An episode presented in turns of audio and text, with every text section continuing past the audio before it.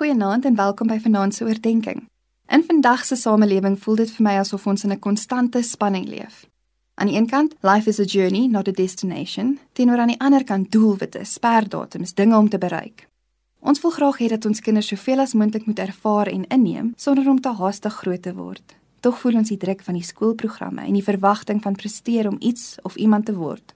Ons beleef daagliks die ongelooflike pas by die werk en die stem van verbruikerswese in die kultuur waarin ons rondbeweeg.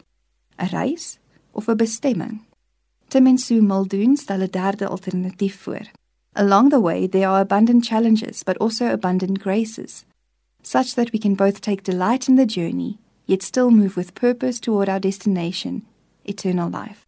Die voorstel is dat ons die lewe nie bloot net as 'n reis sien waar die bestemming onbelangrik is nie en ook nie net dat die lewe net gefokus is op waar ons moet uitkom nie. Ons is op 'n pelgrimstog. As Christene lewe ons nie halfhartige doellose lewens nie.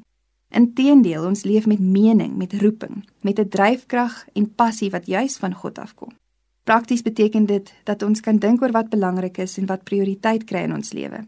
Ons is bewus van die invloed van ons uiterlike wêreld op ons innerlike wêreld. Ons bestuur ons lewensritmes en maak seker dat ons ook tyd maak vir lewegewende aktiwiteite en take. Ons pas mekaar op sodat ons nie sonder rigting aan die een kant of sonder betekenis aan die ander kant leef nie. Ons leer by mense, ons reflekteer, ons raadpleeg vir God en vra vir die Heilige Gees om ons konstant te laat groei in ons bewustheid van sy teenwoordigheid in ons lewens. Ek wonder hoe lyk hierdie pelgrimstog in jou lewe?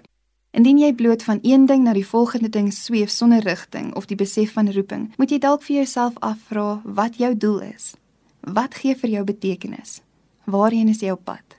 Indien jy so gefokus is op waar jy moet kom en hoe jy behoort te wees, dink dalk oor die pad daarheen en die onderbrekings waarvoor jy dalk moet stop.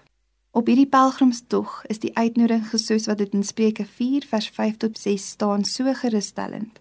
Vertrou volkome op die Here en moenie op jou eie insigte staat maak nie. Ken hom in alles wat jy doen en hy sal jou die regte pad laat loop. Die Here lei jou ook in terme van hoe om te loop en nie net waarheen nie. Hy lei jou om sinvolle, doelgerigte, betekenisvolle tree te neem soos wat ons hom in alles ken en vertrou. Hy wys ons hoe lyk so lewe. Mag ons sy voetspore aandagtig volg. Om ons bid saam. Here, dankie vir die lewe wat ons saam het en soos U kan leef. Dankie dat dit vervulling, vreugde en vrede bring. Lei ons om ons oë op U te hou sodat ons kan koers hou. Amen.